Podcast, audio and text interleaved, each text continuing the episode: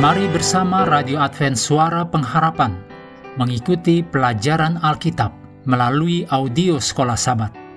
Selanjutnya kita masuk untuk pelajaran Minggu 11 Desember. Judulnya Model Yesus. Mari kita mulai dengan doa singkat yang didasarkan dari 2 Timotius 1 ayat 10. Kedatangan juru selamat kita, Yesus Kristus, telah mematahkan kuasa maut dan mendatangkan hidup yang tidak dapat binasa. Amin.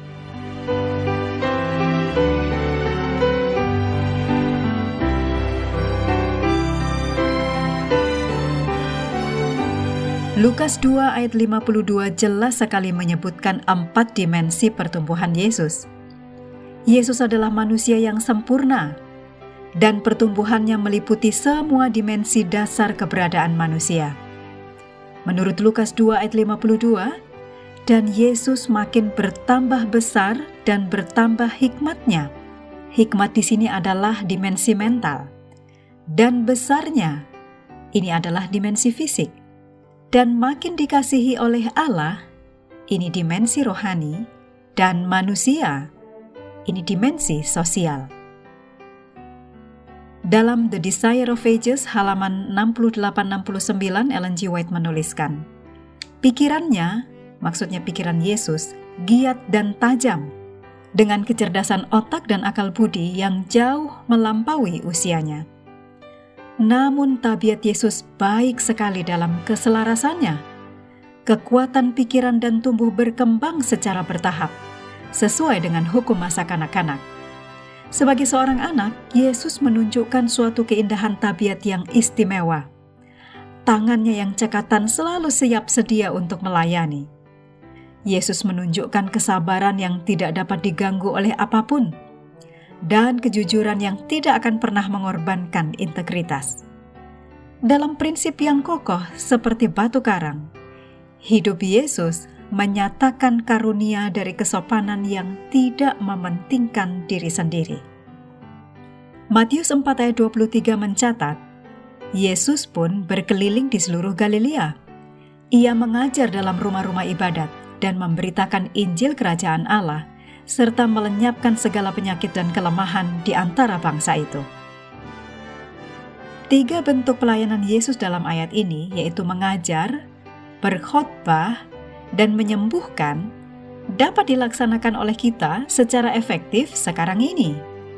Jika kita mengakui bahwa manusia adalah pribadi yang utuh dan tidak terpisahkan, maka kita tidak dapat membatasi agama kita hanya pada hal-hal rohani saja Kebenaran yang sesungguhnya mencakup seluruh keberadaan kita, mencakup seluruh masa hidup kita, dan mencakup semua dimensi kehidupan kita.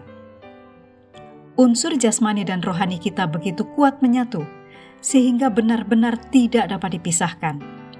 Dan meskipun sebagai makhluk yang telah jatuh, kita tidak akan pernah bisa menyamai penggambaran Yesus seperti yang dinyatakan tadi. Bagian kita dengan kasih karunia Tuhan adalah untuk meniru itu. Karena, seperti yang dituliskan dalam Education halaman 15 dan 16, untuk memulihkan dalam diri manusia citra atau gambar dari penciptanya, untuk membawa manusia kembali kepada kesempurnaan sebagaimana awalnya dia diciptakan, untuk mendorong perkembangan tubuh, pikiran, dan jiwa. Inilah pekerjaan penebusan Inilah yang Tuhan ingin lakukan dalam diri umatnya sebagai bagian dari proses mempersiapkan mereka untuk kedatangannya kembali.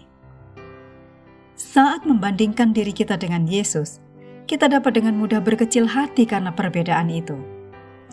Memusatkan perhatian pada salib dan pada makna salib dapat melindungi kita dari berkecil hati dengan apa yang kita lihat di dalam diri kita dibandingkan dengan apa yang kita lihat di dalam Yesus.